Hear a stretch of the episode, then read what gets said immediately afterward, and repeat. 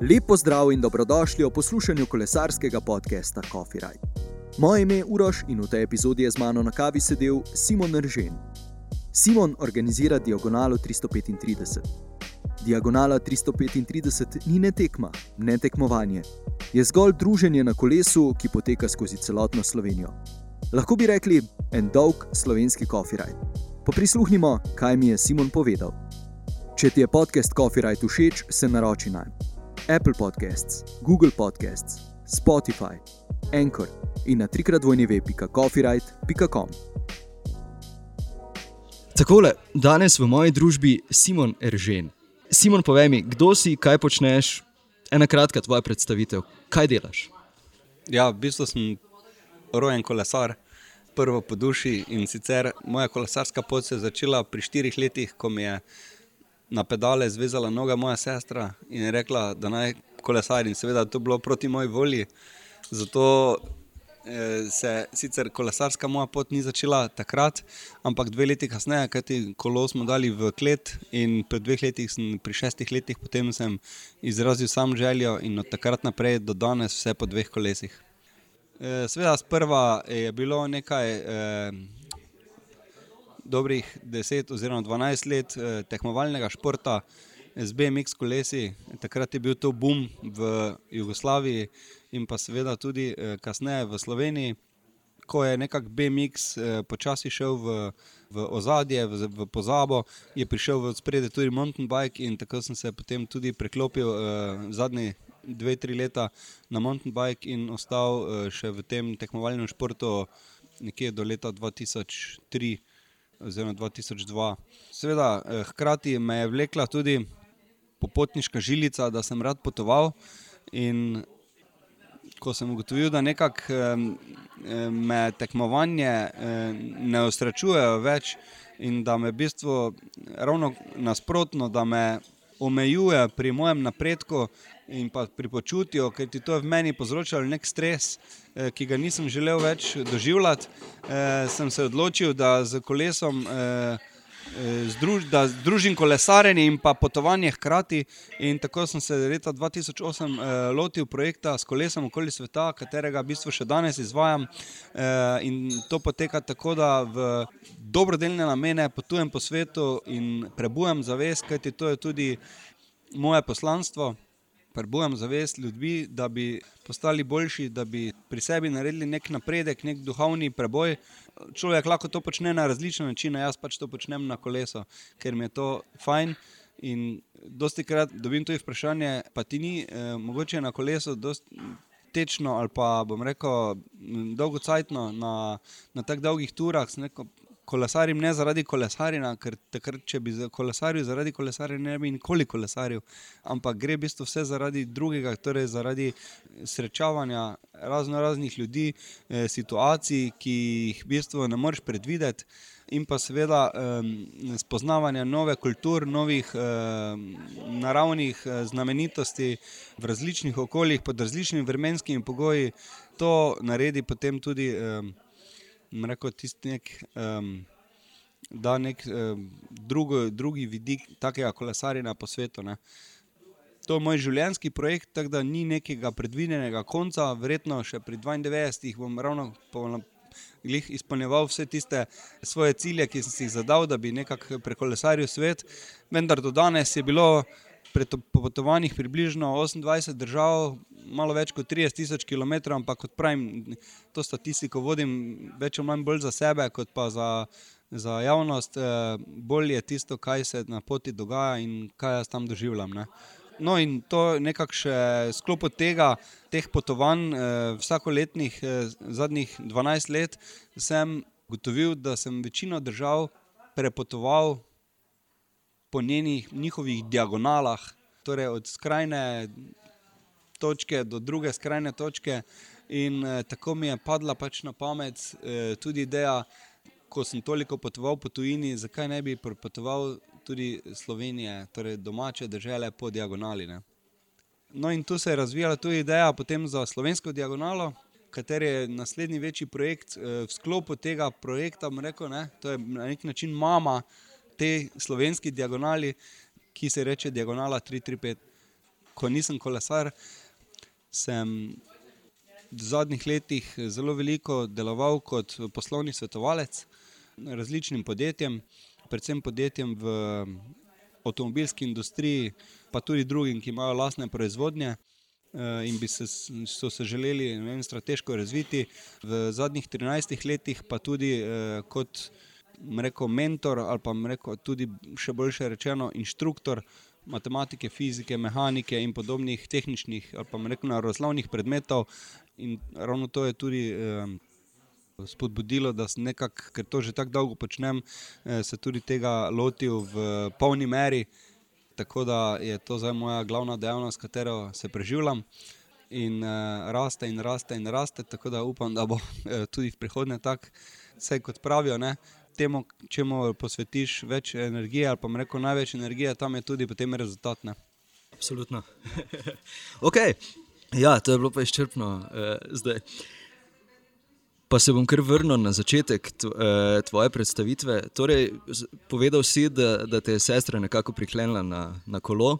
Se morda spomniš, kdaj so ti pa morali odmontirati pomožna kolesa?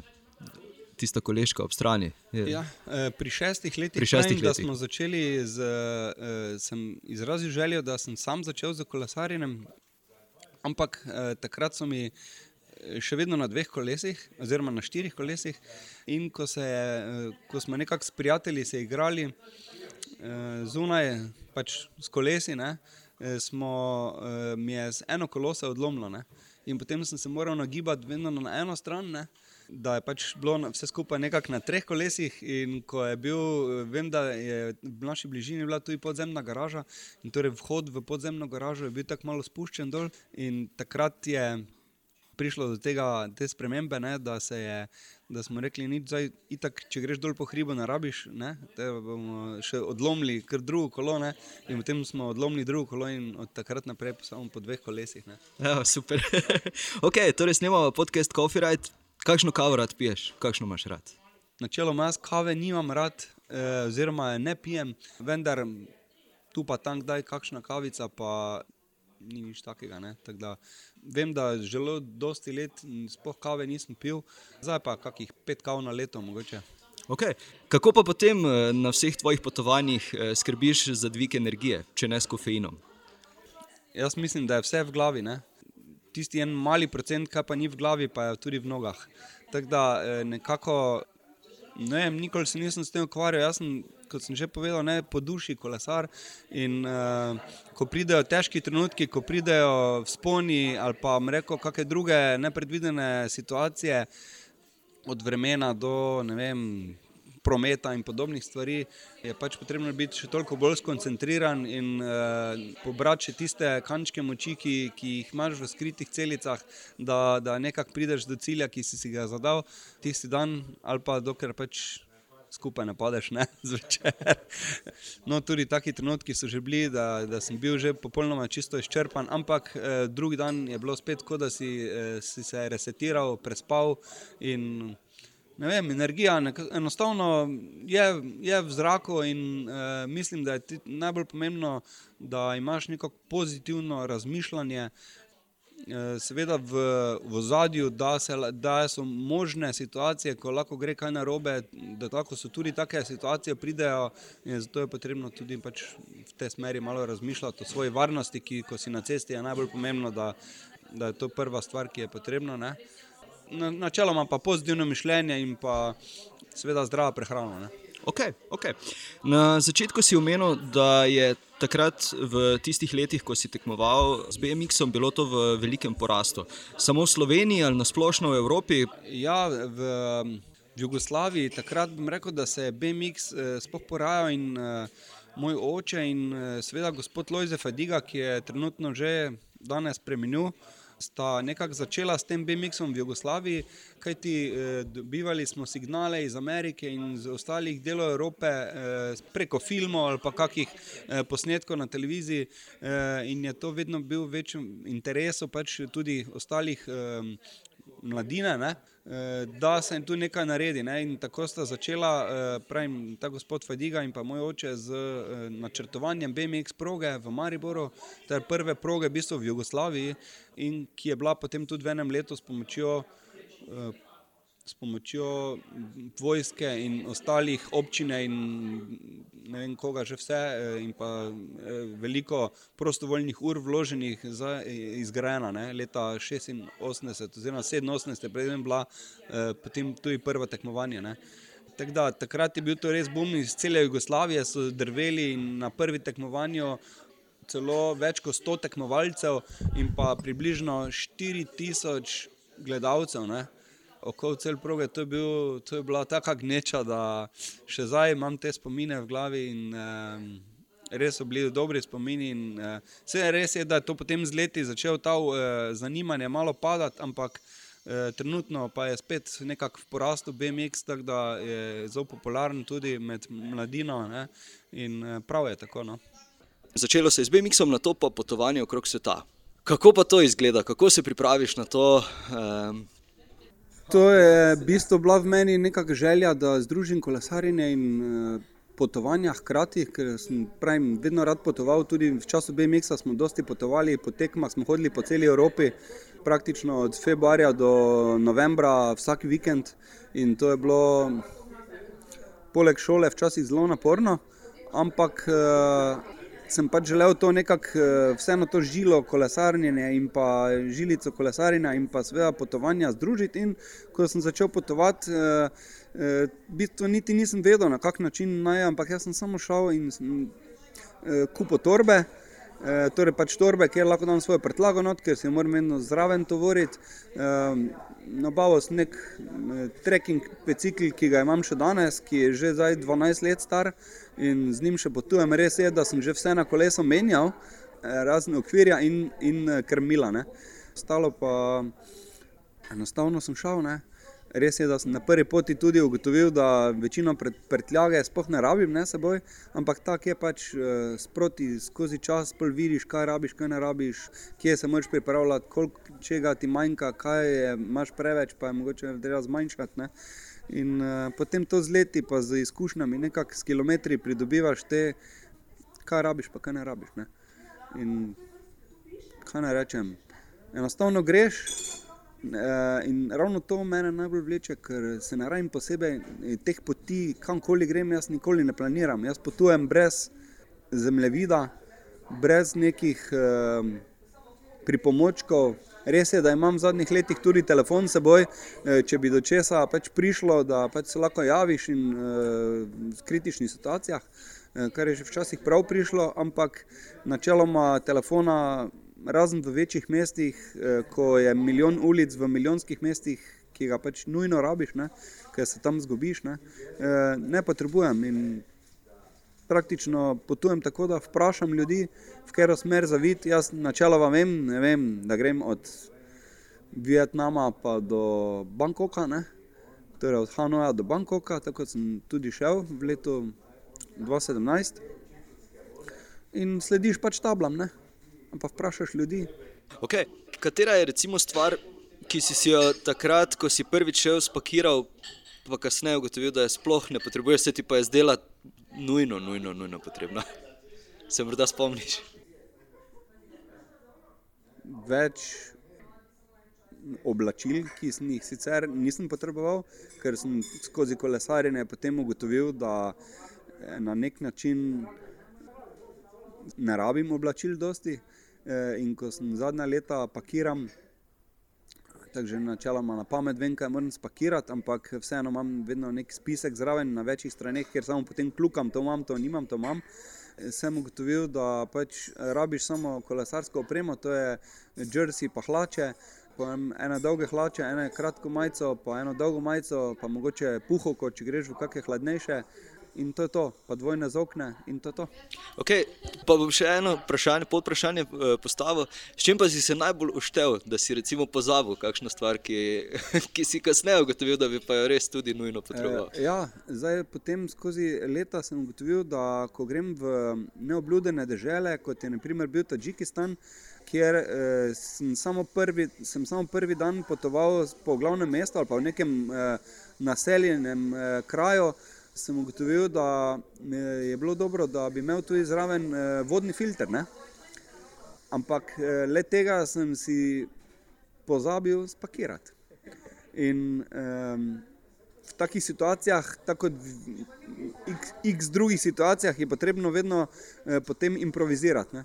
Ker vedno pride do nečesa, kaj je potrebno potem nekako dobiti ali pa da lahko preživiš tam. Ne?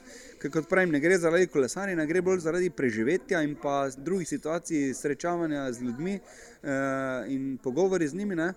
Tako da pravim, ja, ta vodni filter sem potem kombiniral, eh, pomank, mislim, brez vodnega filtra sem kombiniral tako, da ko sem srečal kakšne kolesarje, ki jih je tam bilo kar nekaj, sem jih prosil, če mi oni posodijo vodni filter, da sem si vodo sfiltriral ali sem si vodo kupil ali pa sem eh, potem nekateri kolesari so mi celo dali te eh, jodove tabletke in eh, sem potem v, v remote področjih tudi pač razkužil vodo na tak način, da sem pač te tabletke uporabil. Pač voda ni imela najboljšega okusa, ampak je pa vem, da je pa bila, da sem jo lahko pil. Ne?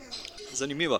Omenil si tudi, da si, si recimo kupil vodo, kako pa nastaviš budžet za, takšne, eh, za takšne potovanja? Kaj si, za, si zadaš neki budžet?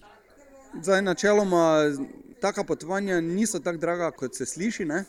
ali pa mogoče kak za koga, ne? to je spet je relativno. Ne? Edina stvar, ki je tukaj, je največji strošek, je letalska karta. Ne? Torej, prevoz tja in nazaj pa mogoče še kakšni transferi vmes iz kakega otoka na drugi otok, je potrebno vem, z ladjo iti in uh, moč kologor dati, pač plačaš to. Ne? Ali pa tudi ne, če srečaš dobre ljudi, ti včasih tudi oni sponzorirajo, mreko, ker pač uh, ne vem. Da si en drugemu dajemo tisto, kar rabimo. In, uh, ko jaz srečam ljudi, mogoče koga navdušim za vem, razno razne stvari, ki se mu dogajajo v življenju, ki jih je mogoče dal že v pozabo. Tako naprimer, je bilo na japonskem eh, enega človeka eh, po treh letih iskanja službe, mi je kasneje, ko sem se vrnil s potovanja, pisal, da je službo našel in se mi je ne vem kako zahvaljeval. Naprimer, po drugi strani pa potem dobiš od nekoga drugega, pa lahko ti plača eh, vem, prevoz na, na drugi otok ali kaj takega. Tak da, kaj je že bilo vprašanje? Toliko je stvari za povedati. Da... Eh, na, na kak način si nastaviš budžet? Ja, ja, budžet, ja. ja, budžet je potem um, pravim, najdražji strošek, je letalska karta. Poprečno veš, vem, za, od države do države, odvisno koliko rabiš na dan, če ponovadi si jaz eh, kupujem hrano v v trgovinah in si potem sam kuham, ali pa včasih v kakih eh, državah, revnejših, recimo država tretjega sveta, veš, da je tudi hrana zelo poceni, prideš čez dan tudi za evro, evro 50 skozi z kosilom, zajtrkom in večerjo ne, skupaj. Če pa so kakšne draže države, kot je bila recimo Japonska, pa tam je potrebno pa malo več računati in eh, sem se že tudi uštev, ne, da recimo na japonski nisem vedel, da mi bo voda taki problem predstavljala, eh, kar na, vsaj na začetku. Ne, in, eh, če bi vodo moral kupovati, ker je bilo zelo vroče, ne, jaz sem potreboval nekje od 12 do 15 litrov vode na dan, ne, zaradi vročine in pa vlažnosti, eh, je, bi moral spiti toliko vode in voda je bila 2 evra na liter, ne, kar pomeni 30 evrov samo za vodo. In ko sem potoval en mesec, je to 1000 evrov samo za vodo, ne? ki je še hrana, spanje in podobno. No, eh, glede spanja je tako, da, pa, da strošek za spanje načeloma ga ni, ne? ker jaz spim v šotoru. Eh, ali pa če srečaš spet dobre ljudi, ti ponudijo prenočišče, hrano, včasih tudi kakšen prevoz ali kaj podobnega. Ne? In je, tako da to lahko zminimiziraš, kar, kar na. na, kar na je nek eh, manjši strošek, kot bi sicer lahko. Zdaj, lahko si vse naprej planiraš, ampak takih poti jaz mislim, da ne moreš planirati, ker ne bi, ne, ni pol poanta v planiranju. Poanta je samo, da greš in da se prepustiš iz točke A do B, kaj se bo zgodilo, se bo zgodilo in bi mene na nek način to obremenjevalo, da bi si mogel planirati. Ne. Jaz ne vem, pet minut naprej, v katero smer bom zavil. In ravno to je tisto, ko me vleče naprej, da vedno nekaj novega odkrivaš, eh, neznanega. Ker, ker se spontano stvari dogajajo, te je to tisto, kar se spontano, ne, vedno, ko kam gremo. Ja, to je bilo tako nepričakovano in eh, se je spontano zgodilo. To je bil danes, je bil pa res dan, ne, tisti, take situacije si už vedno zapomnil.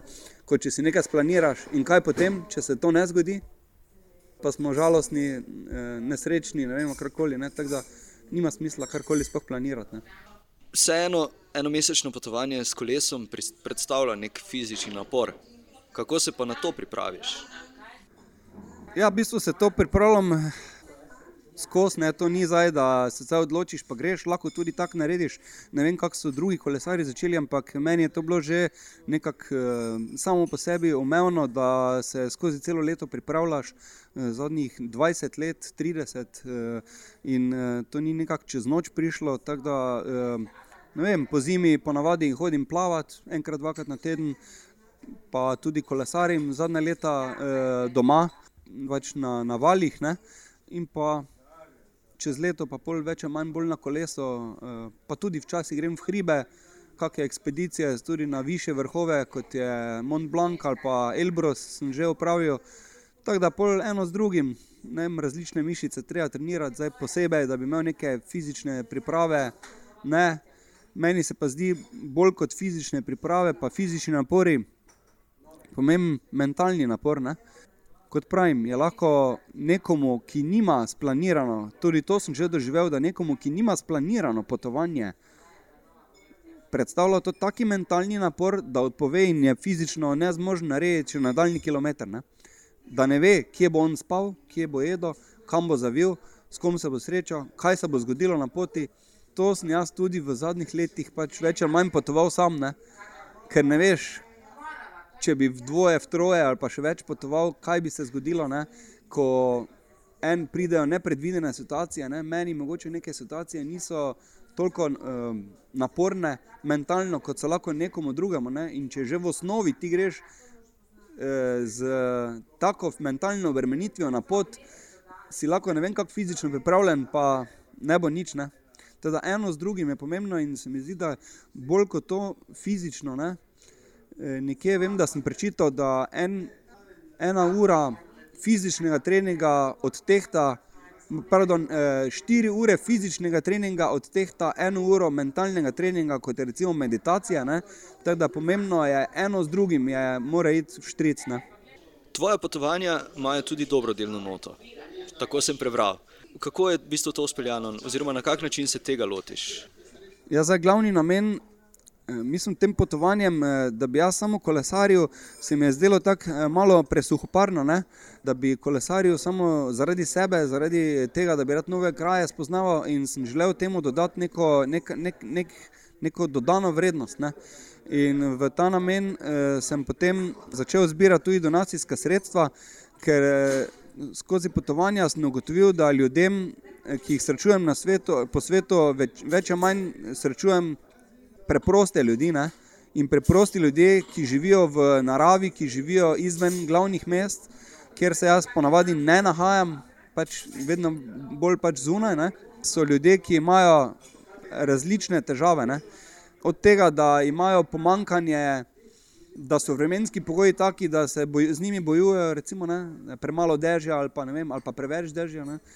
Do tega, da, imajo, da so oddaljeni od zdravniške pomoči, predvsem otroci, če se jim kaj zgodi, eh, šolanje in podobno, ne, eh, je okrnjeno ne, ali pa reko omejeno. Do tega, da imajo finančne težave, pač na podeželju ne morejo toliko zaslužiti. Ne, zdaj, moja edina možnost je bila, da takim ljudem lahko pomagam z finančnimi sredstvi, ker jaz bi jim seveda želel pripeljati en kontejner, ampak na kolesu je to težko tovoriti. Ne? In zato tudi stvari, ki jih sproti dobivam na poti, ki mi ljudje pač podarijo, jih kar podarim naprej prvemu otroku, ali pač ko ocenim, da je situacija primerna in podarim. In moram ti povedati, da so odzivi super. Pozitivni in uh, pač tudi potem s temi donacijskimi sredstvi, ki jih zberem od ene do druge ekspedicije, in podelim vem, eni družini ali pa dvema družinama na naslednji ekspediciji, ki grem, Ker tudi v najbolj bogati državi, kot so primo, Japonska, Norveška in podobne, Amerika, eh, se najdejo ljudje, ki pač tako pomoč tudi potrebujejo. Ne? Odlično, odlično. Da se dotaknemo še eh, opreme. Kaj bi tukaj lahko povedala? Verjamem, da ni potrebno imeti eh, najnovejše, najbolj super opreme, Ne, eh, ampak ne. samo najbolj zdržljivo. Kako se lotiš popravil, izbire vsega tega? Sploh Ja. to pomembno ali ni? Najbolj pomembna zadeva pri vsem, kar sem ugotovil, je, v bistvu, dve zadevi so, brez katerih nikoli več ne grem na pot. Ne? Kaj misliš, kaj so to? Jaz bi rekel zračnica, pa pumpa, Zdaj, to, to je na prvo. No, to sicer je več takih zadev, ampak dve, ki ti v bistvu bre, nepogrešljive ne, zadeve. Ne. Zračnico nekje najdeš, bom rekel, si lahko nekako še pomagaš, eh, da si jo zaflikaš, pa daš noter, ne vem, eh, z izolir pantom okoli zavežeš, ali pa daš noter vseeno, pa se lahko dalje. Ne vem, različne zadeve so. Ne.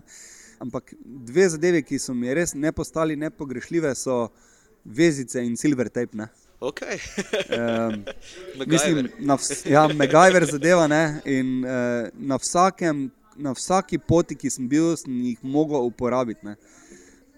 Tako da situacija ne, na poti po Aziji, po jugovzhodni Aziji, eh, brez vezic bi težko prišel skozi, kajti eh, na obeh straneh se mi je pretlažnik zlomil in da je lahko ta teža, ki je zadaj na pretlažniku, ne, da ne bi vse skupaj meni dol padlo, pa da bi mi eh, drselo gor po kolesu in se vse skupaj poštarsko reč, rečemo čohalo. Ne.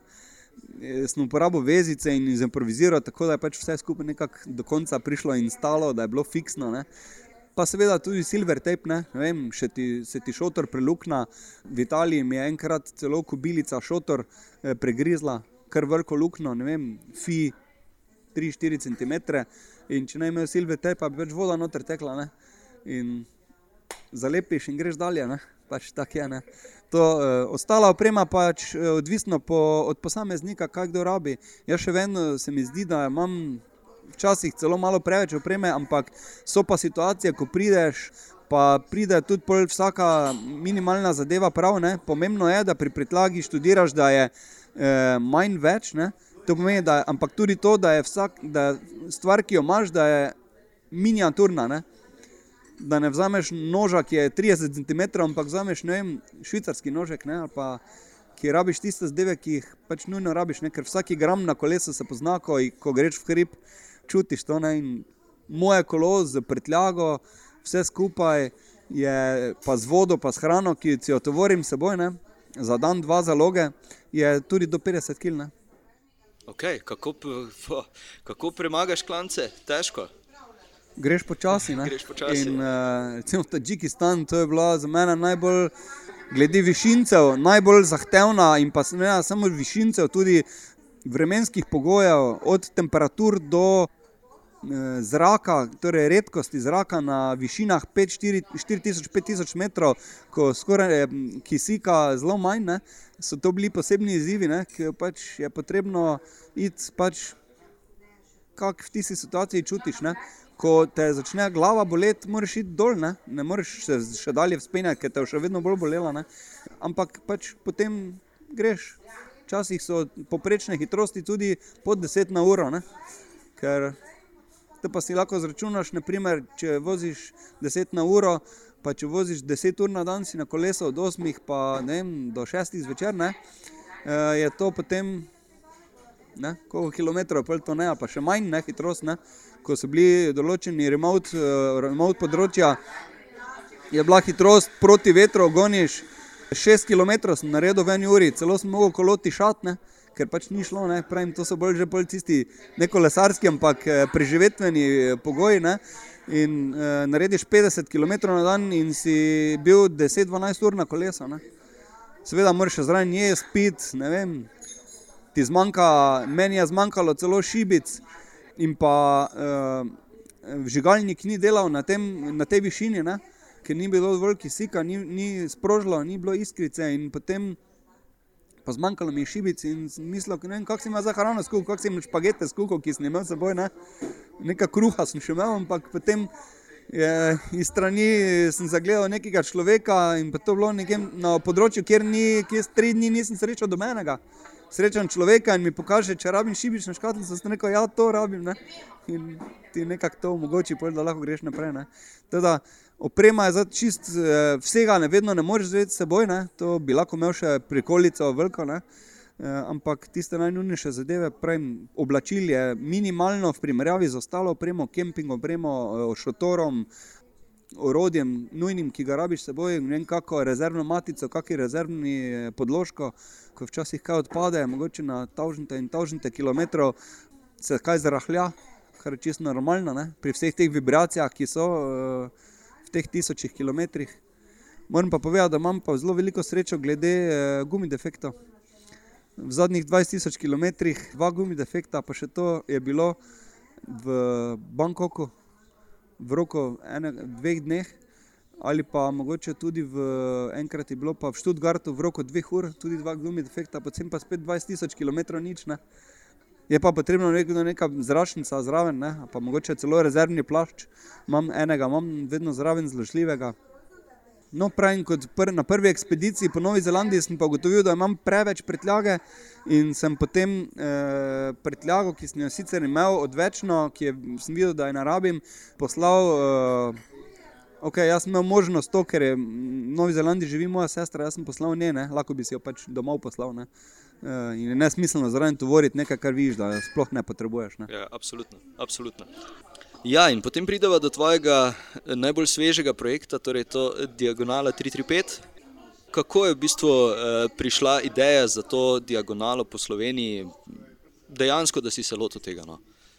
Ja, kot smo že povedali, ne, Diagonala 335 je prišla od tega, da sem jaz ugotovil, da po svetu, ko sem si na zemljevid. Eh, začrtal vse poti, ki sem jih do zdaj naredil, sem vedno videl, da sem potoval na nek način po diagonali, po vseh državah. Japonsko sem prepotoval po diagonali, Novo Zelandijo po diagonali, en del Indije je bilo po diagonali, Oman je bil po diagonali in tako naprej. Ne. Potem sem rekel, ne, zakaj ne bi Slovenija še dal po diagonali skozi. Ne. Sem rekel, zakaj ne bi imel meni to izziv, da se dam Slovenijo po diagonali v enem dnevu tako se je začela pač Slovenija. Sicer prvi plan bil, da grem na pot sam, ampak kasneje sem eh, povabil tudi prijatelje in uh, že na prvi diagonali za štartom polnoči v Trtkovi, to je na Tromeji med Avstrijo, Mačarsko in Slovenijo, smo uh, nas je štartalo 11, vendar uh, se, je poti, se nam je na poti pridruževalo, kolesari so prišli in šli, ne, tako da smo na nek način vseh nastopajočih ali pa rekel udeležencev je bilo 21. Ne? Eh, in za mene je bil to nek, nek pokazatelj, da z energijo in pa z tistom eh, kolesarsko dušo in eh, žarom, ki ga imam pri samem kolesarjenju, možno, da to, da prekolesari Slovenijo v enem dnevu. Pa celo po njeni diagonali, če si zavedni slovenec, to moraš narediti. Ne? Pravijo, da nisi slovenec, če ne greš na tri glavne enkrat v življenju. Jaz pa pravim, da nisi kolesar, če ne prekolesari Slovenije v enem po diagonali. Zdaj, ni to nujno, da to narediš v enem dnevu, ampak da jo prekolesariš po diagonali, ne? da daš celo Slovenijo skozi. Pa ne samo to, da je to v enem dnevu, ne? pač meni je bil to izziv. Jaz sem eh, šel tem izzivu, jaz nikoli prej nisem kolesaril 300 pa več kilometrov v eno. Ne? Moja nadaljša pot po svetu je bila 180-185 kilometrov. Eh, na japonskem, celo vem, da je bila ta ena razdalja. Tako da je tudi meni bil to izziv 300 km, uh, pa pa rekel 335 km, ker gre za diagonalo 335, ne, v enem dnevu. Ne. Pa sem rekel, ok. Res je, da sem se pri, eh, začel pripravljati z z turami, kot so 200-250 km. No, seveda, to moram še povedati, da ta diagonala po Sloveniji eh, je bila izpeljana z specialko, ne, ne z trekking kolesom, ker pač sicer bi verjetno tudi s trekking kolesom prišel, ampak bi trajalo malo dlje, ne, pa malo manj udobno. Tako da eh, se je potem iz leta v leto začelo, eh, so mi ljudje rekli, zakaj pa ne bi naredili ravno zaradi tega vzdušja, ki je bilo na tej diagonali, prvi diagonali. Ne, Eh, so želeli se vsi še ponovno udeležiti, pa se nekaj nič, te pa naredimo še drugo leto. Ne? Ampak glavni namen diagonale ne? ni zgolj kolesarjenje, samo da gremo spet na diagonalo, spet je manjkalo tu nekaj, neka dodana vrednost. Ne?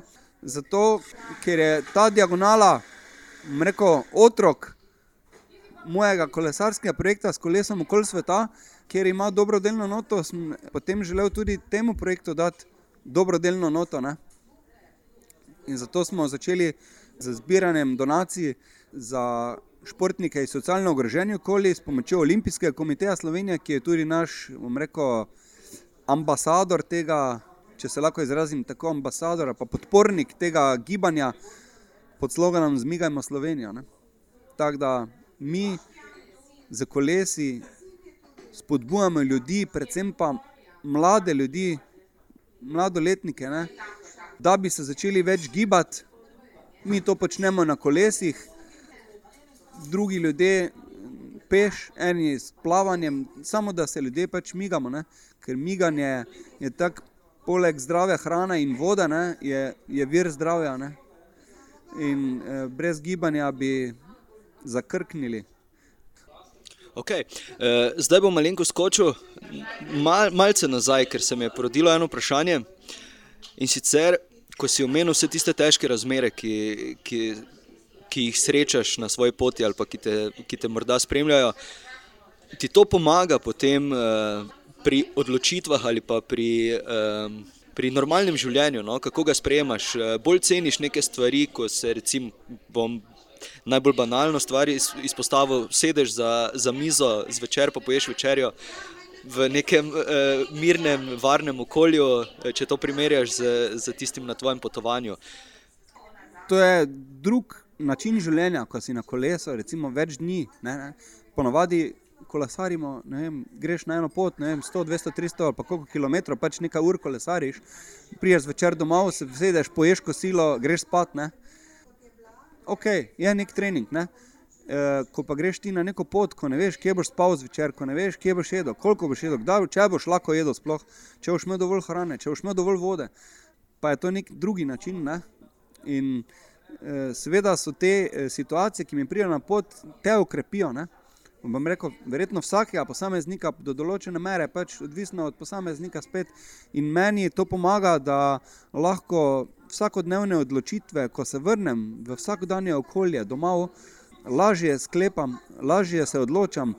Počutim se, da ko dam na takšni poti, prav posebnega trenutka, vem, ko sem prišel iz Tadžikistana, je, to je bila za mene do takrat najbolj zahtevna pot. Rekel, ni bila najdaljša, je pa bila najbolj zahtevna, fizično naporna in pa tudi mentalno naporna da sem jaz to zmogel, da, da, da sem 1600 km naredil, po, pa ne vem, mislim, da je bilo celo 25 tisoč ali 20 tisoč višincev v 1600 km, ker to je bilo to za 1000 metrov šlo dol, pa spet drugi dan za 1000 ali pa 1500 gor. Ko to vidiš, da to zmoreš, ne? Sveda zmoreš, ne? pač vprašanje je v kolikem dnevih. Ne? Ti da to nek novi zagon, neko moč, ki jo lahko uporabiš v vsakodnevnih problemih, s katerimi se soočaš doma, v službi, vem, z družino, z prijatelji. Vem, ali pa skol tega, ali bom danes to pojedel, ali ne bom tega to pojedel. Ne. Lažje se odločam. Vprašanje je, ne, vedno. Jaz mislim, da, da sem uspešen v svojem življenju. Ne. Veliko krat dobim tudi vprašanja, kako si lahko uspešen v tem, pa kako si lahko uspešen v onom. Ja, glej, med, razlika med uspešnim in neuspešnim je samo to, koliko odločitev jaz sklenem, pa koliko jih oni sklenejo, ki je neuspešen. Verjetno sam veš, ne, če se nekaj ne moreš odločiti, pa mi rečemo, cincaš ne, med eno in drugo stvarjo, te to nažira. Ne, pa več, ko imaš teh stvari, bolj se lahko sam sebe degradiraš, ne, ker pa rečeš, ok, se, karkoli se odločiš, je prav. Ne, In če se ti odločiš za to zadevo ali pa za ono zadevo, ok, pač greš to. Ne? In ne moreš reči, zdaj, če bi pa ono šel, ker ne moreš dve stvari se hkrati odločiti. Ne? Samo za eno stvar se lahko odločiš, ne? za eno pot. Ne? E, in je nesmiselno tudi obžalovati, zakaj si nisi odločil za drugo stvar. In potem lažje ti hitreje odločaš. Ne? Seveda, določene stvari rabijo dalj časa premislek, ko ne, ne vem, ali bom danes šel ob dveh jest ali bom šel ob štirih jest, ok, se odločiš hitro. Ne? Ali pa tudi ne, spet od posameznika. Ne? In to te lahko nažira. Zdaj, prej, ko se boš odločil, prej boš sprejel odločitev, prej se bo stvar zgodila, bolj boš svoboden. Ne? To je nekako moje vodilo. Ne? Jaz sem načeloma človek hitrih odločitev in um, kar ne pomeni, da niso premišljene, ampak zdaj, ko sem na poti, eh, je potrebno prijeti do točke, ko moraš reči, ali grem zdaj v levo ali pa grem v desno, ker so samo dve poti. Ne? Lahko si tam stojiš cel dan, pa čakaš, da bo nekdo prišel, pa ti bo dal pet navodil, kak, zakaj iti v levo, pa zakaj iti v desno. Lahko pa vem, po občutku se odločiš, rečeš, da gre zdaj v desno, ker mi je pač da boljše, eh, ali pa v levo. Ne? Ok, greš desno ali pa levo. Okay. In zdaj levo ali desno. Kako si se pa odločil za potek poti Slovenije po diagonali? Si izbiral kakšne posebne kraje? Načeloma sem potegnil ravno črto, In uh, ceste, ki so bile, uh, pa reko, glavne ceste, ki so bile, um, za ne rečisto vse stranske, ne, ampak glavne ceste, ki so bile ob tej črti, sem vzel tiste, po katerih bom kolesaril. In na koncu se je nabralo 335 km. Jaz bi rekel, da to je moja diagonala, nekateri pojmujejo slovensko diagonalo tudi drugače, pa ni za to, vsaka diagonala je ok, kakršne koli, ne? tudi od Maribora samo pa do Kopra je lahko diagonala, ne? E, če si tako začrtaš. Ampak jaz sem želel pač, da je štart ima tudi nek pomen, ne? kar pomeni, da sem kot točko štarta zbral eh, vas Trtkova, ki se nahaja na tromeji med Avstrijo, Mačarsko in Slovenijo. Pač vseeno je neka točka, ki ki Slovenijo meji, med, med, ki je točka, ki meji na tri države. Ne. Vse ostalo pa je bilo pač stvar, kot sem že povedal. E, zdaj, ponavadi sem se želel večjim mestom izogniti, ampak načeloma glavne ceste, pač te, ki je bilo eno z drugim, e, grejo tudi skozi celje in pa skozi Ljubljano, ne, da e, bi. Se pač vseeno provaš potem izogniti tistim nekim prometnim konicam. Vsako leto pride do neke minimalne spremembe v sami poti, ker pač v sklopu organizacije sodeluje več posameznikov, več organizacij, več podjetij, vedno več in uh, potem s tistimi, ki pač tudi uh, sodelujemo, nekako provamo pot speljati tako, da bi bilo nekako eh, vsem zadoščeno, pa tudi za kolesarje najbolj varno, predvsem, ne, da bi najbolj tekoče bilo ne, vse skupaj ne, in pa seveda za varnost najbolj poskrbljeno. Ne. Ker doben si ne želi, da bi se komu kaj zgodilo. Ne. In uh, poanta je, da se imamo fajn, da spodbujamo uh, ljudi, da se gibajo in pa da delujemo v dobrodelni namen.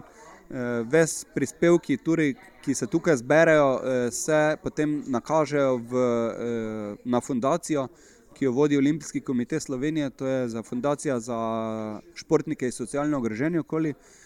In pa predvsem je najbolj tu pomembno, da to, ne, da to ni maraton, to ni tekmovanje, ampak je zgolj kolesarjenje, prijateljsko kolesarjenje v dobrodelni namen. Ne. E, ravno to je pri ljudeh tisto, kar jih najbolj spodbudi, da je brez časovnega pritiska.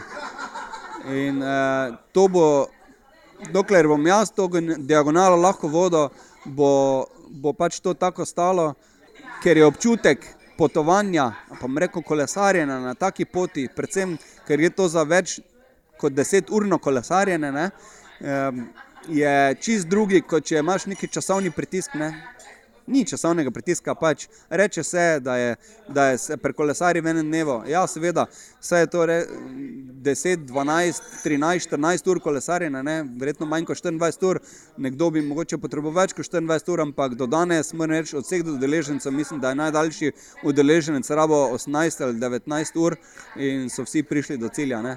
Tudi tisti, ki še do danes niso naredili več kot 100 km.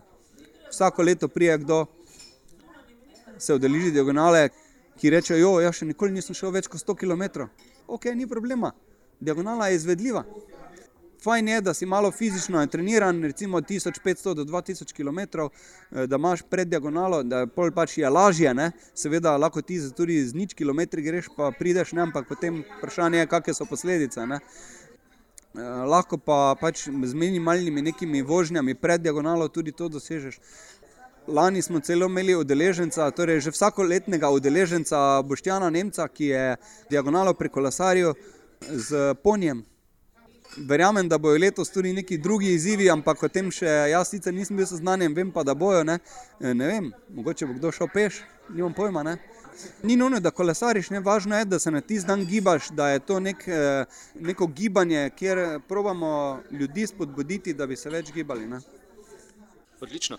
In recimo, eh, koliko udeležencev štarta, koliko se jih pridruži zraven, eh, koliko jih na koncu pride na cilj, eh, kakšne so številke? Številke iz prvega leta so, se vsako leto duplirajo.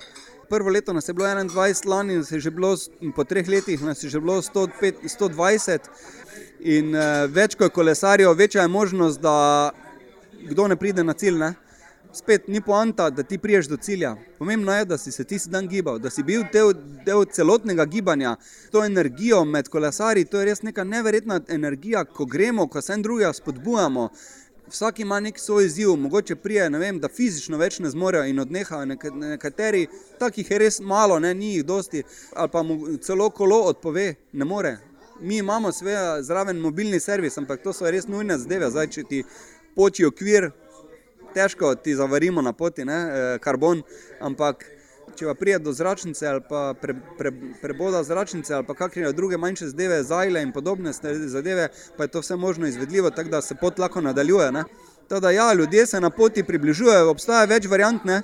Eh, zdaj, če se lahko tudi tega dotaknemo, je diagonala 335, to, ki gre od štarta do cilja, torej od Trtkove do Porto Roža.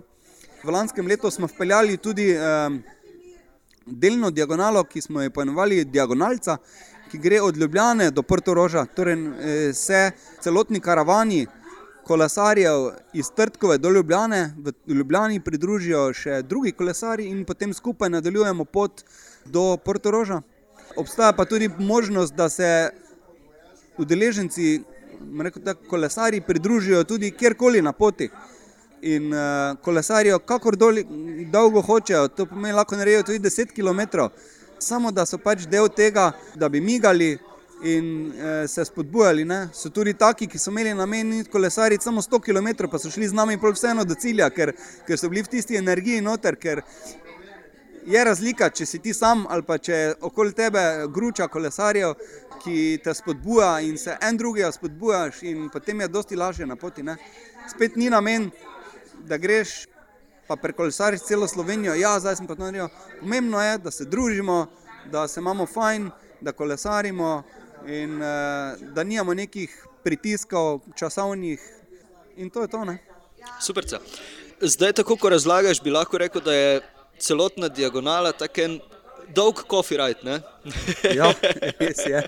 Uh, verjamem, da jih je bilo tudi pri tebi že kar nekaj, uh, sploh ne vem, kako boš to izbral, ampak vseeno, vsakomur postavim to vprašanje. Torej, kateri bi bil tvoj ultimativni coffee ride? Ena trasa, ki ti je ostala v spominu, da bi jo še stokrat prevozil, pa tudi vsem predlagal uh, ali pa svetoval, da se, da se jo zapeljejo po njej, ustavijo na kavi in potem recimo domov ali pa na kraj uh, štarta. Zdaj, glede na to, da eh, sem eh, Mariborčan, pa je sicer res, da sem po svetu prekolesaril že kar nekaj tisoč kilometrov, eh, ampak vseeno eh, mi je najbolj tista priljubljena trasa eh, Maribor, Gaj nad Mariborom, Urban in pa nazaj eh, po krožni stezi preko Kamnice domov, nekje 35-40 km, zelo lepi razgledi. Eh, zelo lepo tudi, predvsem eh, ko sonce sije, kajti velik del poti je po gozdu in po dolini. In potem, ko prideš na, na Gaj nad Mariborom, se razprostere, eh, sonce zasije, se vsedeš na kavi ali pa kakšnem rahlem špricerju, športnem. Ne? In nadaljuješ pot preko Urbana, kjer je spet lepi razgled nad celim Mariborom in okolico, celo v Avstrijo se vidi. Tako da meni je to neka taka, rekel, standard turica za dobro urco s kolesom. Eh, lahko tudi dve, tri urce, kakorkoli, poljubno po želji. Eh, odvisno spet, kom, s kom si, ali si sam ali si eh, v skupini. Eh, lahko si to narediš tudi celodnevni izlet. To je neka tista turca, ki bi jo predlagal. Pa ni samo meni ta, vem, da je ta trasa všeč večjim ljudem z okolice, pa tudi drugim iz Slovenije, ki so že prišli, ko so prišli sem, smo jih popeljali na to pot in se jim je zdela fenomenalno. Ne?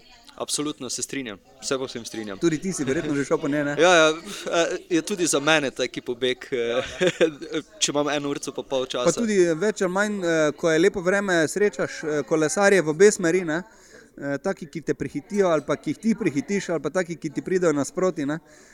Skozi so kolesari in tudi avtom je dokaj prijazna proga, ker noro razen prvih par kilometrov, ki je sicer po glavni cesti, da priješ do teh uh, remote uh, področji, uh, potem pa uh, fantazija kolesarska. Ne? Simon, še ena sklepna misel za konec. Uh, kaj bi recimo svetoval poslušalcem, ljudem, kakorkoli? Uh, ena kratka misel, kar ti prvo pade na pamet. Vse je možno, vse je v glavi, pravim, minimalni procent je tudi v nogah, če govorimo o kolesarjenju. In uh, karkoli se odločiš, je prav. In uh, prav je, da potem tisto izpeleš tudi do konca, ker če stvar ne izpeleš do konca, ne vem, vse mene vedno nekako grize, da vseeno to potem nekako uh, izpeleš do konca, ker želim živeti svobodno.